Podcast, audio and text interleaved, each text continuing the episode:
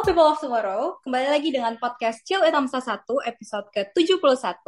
Kenalin, aku Janice sebagai host dari podcast hari ini. Dan aku nggak sendirian nih, karena aku bakal ditemenin sama co-host aku.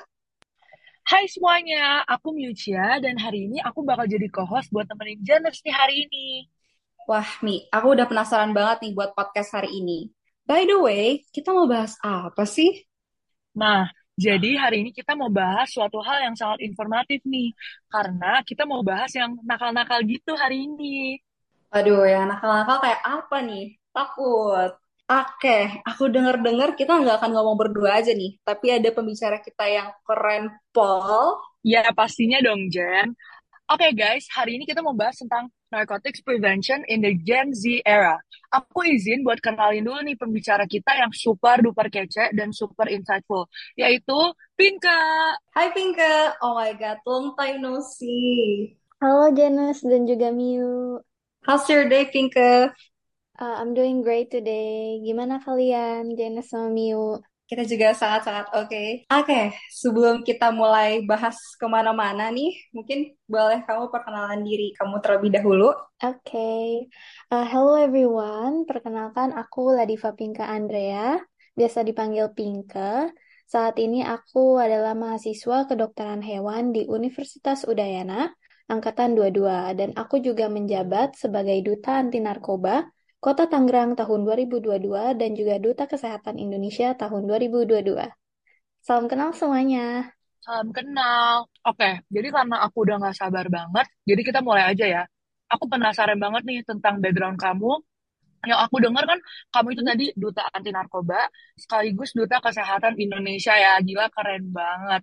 Kalau boleh tahu tuh kenapa ya kamu mutusin buat fokus di bidang kesehatan khususnya pencegahan narkoba? Oke, jadi semenjak aku uh, dari SMP, SMA, dan SD itu aku bercita-cita pengen banget jadi dokter. Dan di SMA itu aku sering banget ikut berbagai kompetisi dan lomba yang ranahnya kesehatan karena menurut aku passion aku itu di uh, kesehatan. Dan melihat adanya pemilihan duta anti narkoba dan juga duta kesehatan Indonesia, aku melihat itu adalah suatu kesempatan buat aku nggak cuman belajar di dunia kesehatan, tapi aku juga bisa berkontribusi kepada generasi muda dan juga masyarakat umum. Jadi alasan aku ikut seperti duta anti narkoba dan juga duta kesehatan uh, karena aku ingin menyalurkan passion aku di dunia kesehatan yang bisa bermanfaat untuk masyarakat umum dan juga generasi muda. Ah, I see, I see. Aku sangat-sangat amazed dan terkagum-kagum jujur. Karena kita kan seumuran dan kamu udah wah super impactful banget buat kesehatan masyarakat Indonesia. Nah, mungkin boleh ceritain journey kamu kayak mulai dari kapan, apakah awalnya disuruh orang tua atau emang kemauan dari diri sendiri? Kayak susah nggak sih awalnya? Cause you're super out of comfort zone. Thank you so much, Janice. Jadi awal mulanya itu uh, aku melihat pemilihannya itu dari sosial media dan menurut aku ini uh, suatu hal yang cukup menarik sebagai duta anti narkoba Kota Tangerang dan itu juga first time aku ikut pemilihan duta. Dan waktu aku daftar itu uh, seleksinya itu ada pemilihan apa seleksi berkas dan juga minat bakat uh, deep interview dan juga uh, Q&A waktu grand final. Terus waktu aku jadi finalis itu, aku nggak nyangka banget aku bisa jadi finalis karena uh, teman-teman duta anti narkoba yang lainnya, calon finalis yang lainnya itu rata-rata uh, usianya udah di atas aku kayak 20-an dan sebagainya. Jadi aku benar-benar insecure awalnya karena aku peserta termuda. Tapi karena aku ingat niat baik aku buat ber, menjadi sosok yang bermanfaat dan juga aku pengen berkontribusi langsung kepada masyarakat umum aku nggak menyerah dan aku terus semangat aku juga dapat support yang banyak banget dari teman-teman aku dan juga keluarga aku dan sampai di tahap akhir aku bisa mendapat jabatan sebagai duta anti narkoba Kota Tangerang yang berbakat tahun 2022. Wow, keren banget. Keren banget. Ah, keren banget. Oke. okay. Karena kita udah kenalan nih dan tadi kamu udah cerita sedikit tentang journey kamu, um, dampak positif sekecil apa pun itu bisa dilakuin dari sedini mungkin ya. Jadi nggak usah nunggu nanti-nanti sebenarnya.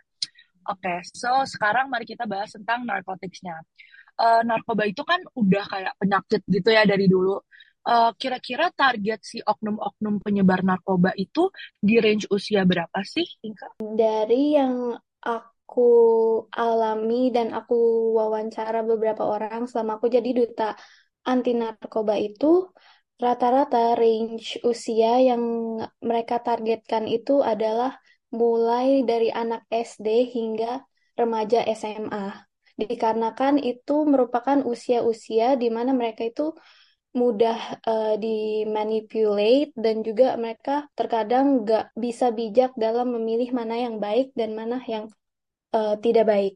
Nah, aku penasaran juga nih, apa aja sih faktor-faktor yang menyebabkan penyalahgunaan narkotika itu sendiri, terutama di kalangan remaja? Oke, kalau soal faktor-faktor penyebab penyalahgunaan narkotika itu cukup banyak uh, dari berbagai aspek, tapi yang sering kali aku temuin itu uh, keinginan mereka untuk mencoba, di mana mereka itu ingin mencoba untuk tampil berbeda, ataupun dari pergaulan bebas, ataupun uh, ingin mencoba dikarenakan mereka ingin melari dari masalah. Dan juga ada pun berbagai faktor lainnya itu seperti gaya hidup juga lifestyle di mana mereka uh, mereka berpikir bahwa menggunakan narkotika itu merupakan suatu hal yang gaul dan keren padahal enggak sama sekali dan itu sangat berdampak dalam hidupnya dan juga karena tekanan ataupun pengaruh lingkungan yang kayak aku bilang tadi itu karena mereka mau melarikan diri mereka dari masalah tapi mereka bingung akhirnya mereka mencoba-coba narkotika sendiri. Ah, I see, I see. Aku setuju banget nih. Apalagi kalau relate ke kita gitu ya, kayak sesama anak FK yang di mana stresnya dengan banyaknya tugas, bisa jadi kayak salah satu high risk people melenceng, coba-coba, ah, makanya kita harus pintar-pintar juga ya, berarti bergaul dengan orang yang give positive impact. Sayangnya zaman sekarang udah susah gitu ya buat cari temen yang kasih positive impact. Kalau dari kamu sendiri, ada nggak nih tips dalam bergaul? Karena ya rata-rata remaja terjebak karena ngeliat temennya sendiri gitu kan dan pengaruh buruk dari temennya. Betul banget Mio. Mungkin kita udah sering kali belajar dari kecil sampai sekarang diajari untuk kita harus bisa bijak dalam memilih teman. Karena sebenarnya kita sebagai makhluk sosial itu memang kita butuh banyak teman dan kita bisa berteman dengan siapa pun. Tetapi kembali lagi kita harus pandai dan juga kita harus bijak dalam bergaul dengan orang lain. Dikarenakan teman kita sendiri itu juga bisa memberikan dampak yang besar terhadap hidup kita sendiri. Apabila kita berteman dengan orang yang positif, uh, secara tidak langsung pasti kita juga kebawa energi positifnya. Tetapi sebaliknya, jika kita bergaul dan berteman dengan orang yang mungkin energinya negatif, itu juga bisa berdampak kepada diri kita sendiri. Jadi kita harus benar-benar mencari atau bergaul dengan orang yang bisa membawa dampak positif dalam diri kita sendiri dan juga bisa membuat diri kita uh, lebih positif seperti itu. Ya, betul banget karena selain uh, keluarga yang ada di rumah yang sering kita temuin itu pasti teman kita sendiri. Jadi hmm. kita harus pintar banget uh, cari teman-teman yang bisa ngasih dampak yang positif. Betul. Dan kalau misalnya ya karena uh, kalau misalnya ada teman-teman yang membawa dampak yang negatif atau misalnya diajak untuk uh, ngelakuin sesuatu yang negatif, kita juga harus berani untuk uh, say no ke mereka kalau misalnya uh, itu tuh membahayakan atau malah uh, nantinya merugikan diri kita sendiri. Oke, okay. Next, uh, aku juga penasaran nih, ada apa aja sih sebenarnya jenis-jenis narkotika dan obat-obat terlarang itu? Dan uh, dari semua jenis itu, mana hmm. yang paling membahayakan, Pinker? Oke, okay, kalau soal jenis narkotika yang pernah aku pelajari itu ada banyak banget. Tapi dari sekian banyaknya itu ada sekitar sembilan yang sering digunakan sebagai penyalahgunaan. Yaitu yang pertama ada morfin, mungkin sering uh, kita sering dengar morfin itu uh, merupakan suatu zat yang di mana itu bekerja langsung kepada sistem saraf pusat dan juga pengolahan morfin ini bisa uh, dijadikan narkotika-narkotika lainnya seperti yang kedua ini heroin. Mungkin kita juga sering dengar tentang heroin. Nah, heroin ini juga merupakan salah satu pengolahan morfin yang dia ini lebih kuat daripada uh, morfin sendiri sehingga dia mengakibatkan reaksi ini langsung ke otak. Terus yang ketiga ini uh, ada ganja, yaitu merupakan salah satu bentuk narkotika dari tumbuhan yang di mana ini dapat uh, menyebabkan euforia yang seperti senang-senang dan lainnya. Dan yang keempat ini ada kokain. Dia juga ber, uh, berasal dari tanaman dan kokain sendiri itu dapat menyebabkan efek stimulan. Terus ada juga LSD. LSD ini merupakan salah satu narkotika yang sering kita jumpai dengan uh, modus-modus terhadap anak-anak karena bentuknya ini variatif, yaitu dia biasanya berbentuk dalam lembaran kertas ataupun kapsul uh, dan juga pil atau yang biasanya LSD ini yang dipakai dalam permen-permen dalam modus penyebaran. Selanjutnya kita juga ada opium yang di mana ini narkotika yang berbentuk bubuk dan penggunaannya itu biasanya digunakan uh, dengan cara dihisap. Dan efek opium sendiri ini yang cukup uh, sangat berbahaya. Dan juga uh, ada yang namanya kodein, yang ini di mana dia berbentuknya itu seperti sejenis obat batuk. Jadi kurang lebih seperti itu jenis-jenis dan variatif narkotika yang pernah aku uh, pelajari dan juga pernah aku baca. Dan juga ada uh, sebagai obat tidur mungkin yang teman-teman sering tahu yang namanya uh, barbiturat. Oh ya, mungkin teman-teman belum pernah tahu atau mungkin teman-teman juga ada yang tahu, tetapi narkotika sendiri ini ada tiga golongan. Jadi jenis-jenisnya ini dibagi menjadi tiga golongan berdasarkan pada resiko ketergantungannya, di mana narkotika golongan satu itu seperti ganja ataupun opium dan kokain yang udah aku sebutin tadi itu, mereka ini yang golongan satu memiliki resiko yang sangat tinggi dan memiliki tingkat kebahayaan yang sangat tinggi sehingga narkotika-narkotika um, ini jarang digunakan sebagai obat. Lalu yang narkotika golongan kedua ini yang biasanya bisa dimanfaatkan sebagai uh, pengobatan sesuai dengan resep dokter ya teman-teman dan juga uh, jenis dari golongan ini kurang lebih itu ada 55 jenis narkotika yang seperti morfin. Morfin ini termasuk golongan kedua. Jadi ini bisa digunakan sebagai pengobatan, tapi uh, juga memiliki resiko bahaya yang cukup tinggi lah. Nah, kalau yang golongan ketiga ini yang bisa digunakan sebagai pengobatan ataupun terapi dan juga memiliki resiko ketergantungan yang cukup ringan. Contohnya itu seperti um, heroin dan lain-lain. Kurang lebih seperti itu Jenis dan Mio. Oke, berarti banyak banget ya ternyata jenisnya. Nah mungkin uh, aku penasaran juga nih, mana yang uh, paling banyak beredar di Indonesia uh, yang susah banget buat dikendaliin gitu sama pemerintah? Yang cukup banyak beredar di Indonesia itu seperti ganja, cocaine, LSD, dan juga morphine. Ah, oke okay, oke. Okay. Kita harus benar-benar aware dan hati-hati ya sama Tuh. beberapa ya, sama semua jenis uh, narkotika yang tadi mungkin kamu sempat, mention. Oke oke. Nah, aku mau tanya juga dong, modus penyebaran narkoba sekarang, khususnya di kalangan remaja, itu apa aja sih? Kayak misalnya kan kalau pas kita dulu kecil ya, itu kan dalam bentuk permen gitu kan yang ngandung narkoba. Karena kan anak-anak suka banget ya makan manis-manis.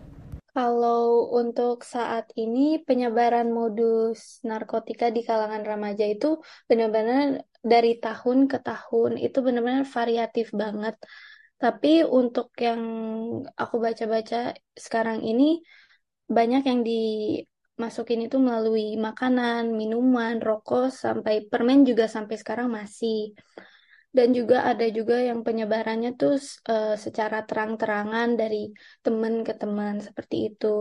Wah, masih beragam banget ya berarti ya. Aku juga denger sekarang tuh modusnya makin ekstrim gitu nggak sih? Kayak entah disembunyiin di dalam buku cerita, kayak disamarin di vape, diseludupin di sepatu, dililitin di benang, macem-macem gitu nggak sih?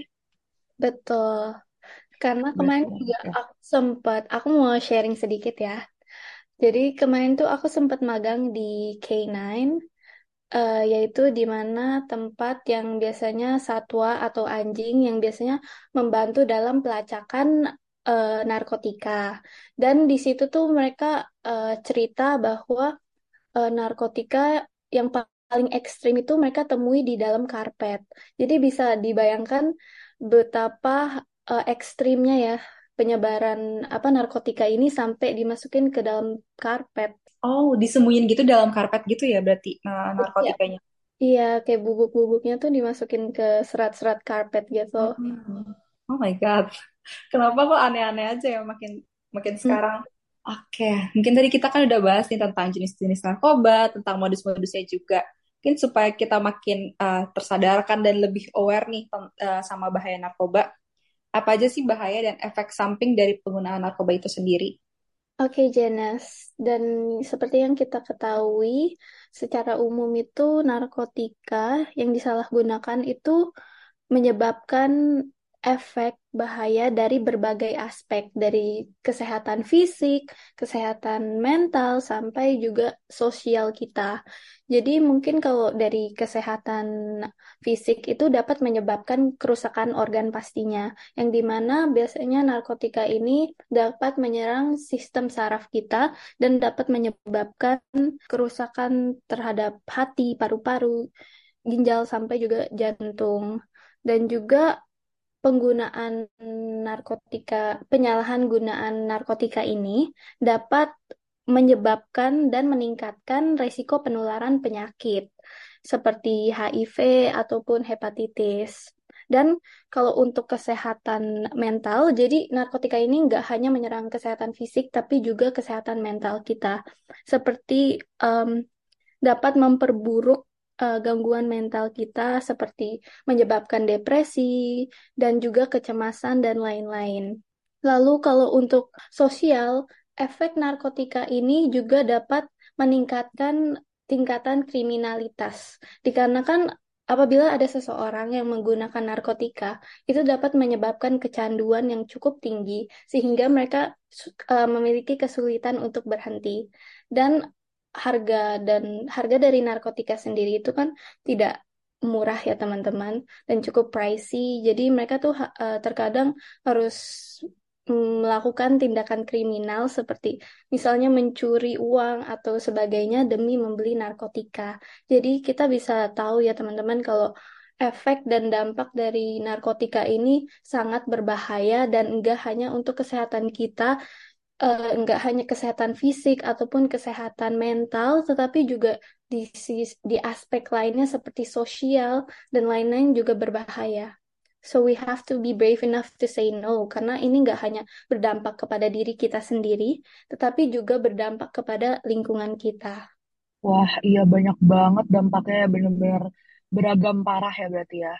Oke, uh, aku juga mau tanya gimana sih cara kita mencegah narkoba dan apa aja upaya yang dilakuin oleh pemerintah ataupun non-governmental organization dalam mengurangi tingkat konsumsi narkoba ini. Oke, itu pertanyaan yang bagus banget, Miu. Jadi pastinya untuk menghindari penyalahgunaan narkotika ataupun pencegahan uh, meningkatkan konsumsi penyalahgunaan narkotika, uh, pastinya kita bisa mulai dari diri kita sendiri, di mana kita harus understand betapa bahayanya narkoba ini untuk diri kita sendiri dan bagaimana dampaknya apa, apabila kita menggunakannya. Kita harus benar-benar aware terhadap diri kita sendiri.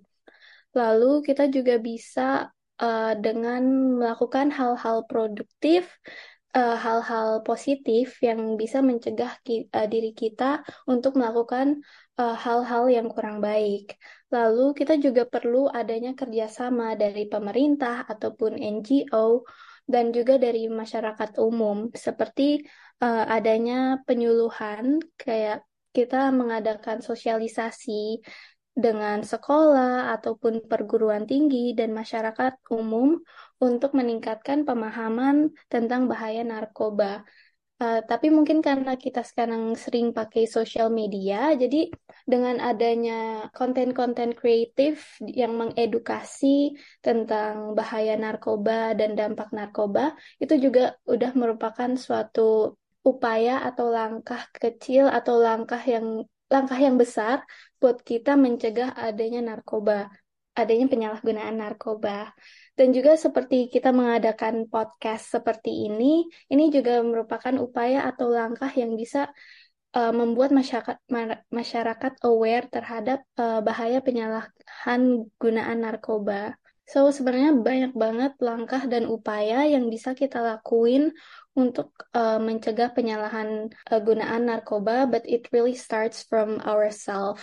Dan aku harap sebagaimana kecil atau besar langkah atau upaya yang kita lakukan itu benar-benar berdampak yang sangat besar untuk kita semua. Wah, oke okay. berarti emang intinya mulai dari diri sendiri ya. Oke, okay. uh, eh, aku, aku mau tanya juga nih, kalau dari kamu sendiri sebagai duta kesehatan Indonesia dan duta anti narkoba, upaya apa aja sih yang udah kamu lakuin buat mengatasi masalah ini? Mungkin kayak uh, mungkin kamu ada pengalaman yang bisa kamu ceritain gitu. Oke, okay, thank you Miu. Uh, jadi aku mau sharing terkait uh, selama aku jadi duta anti narkoba, aku udah pernah ngapain aja sih.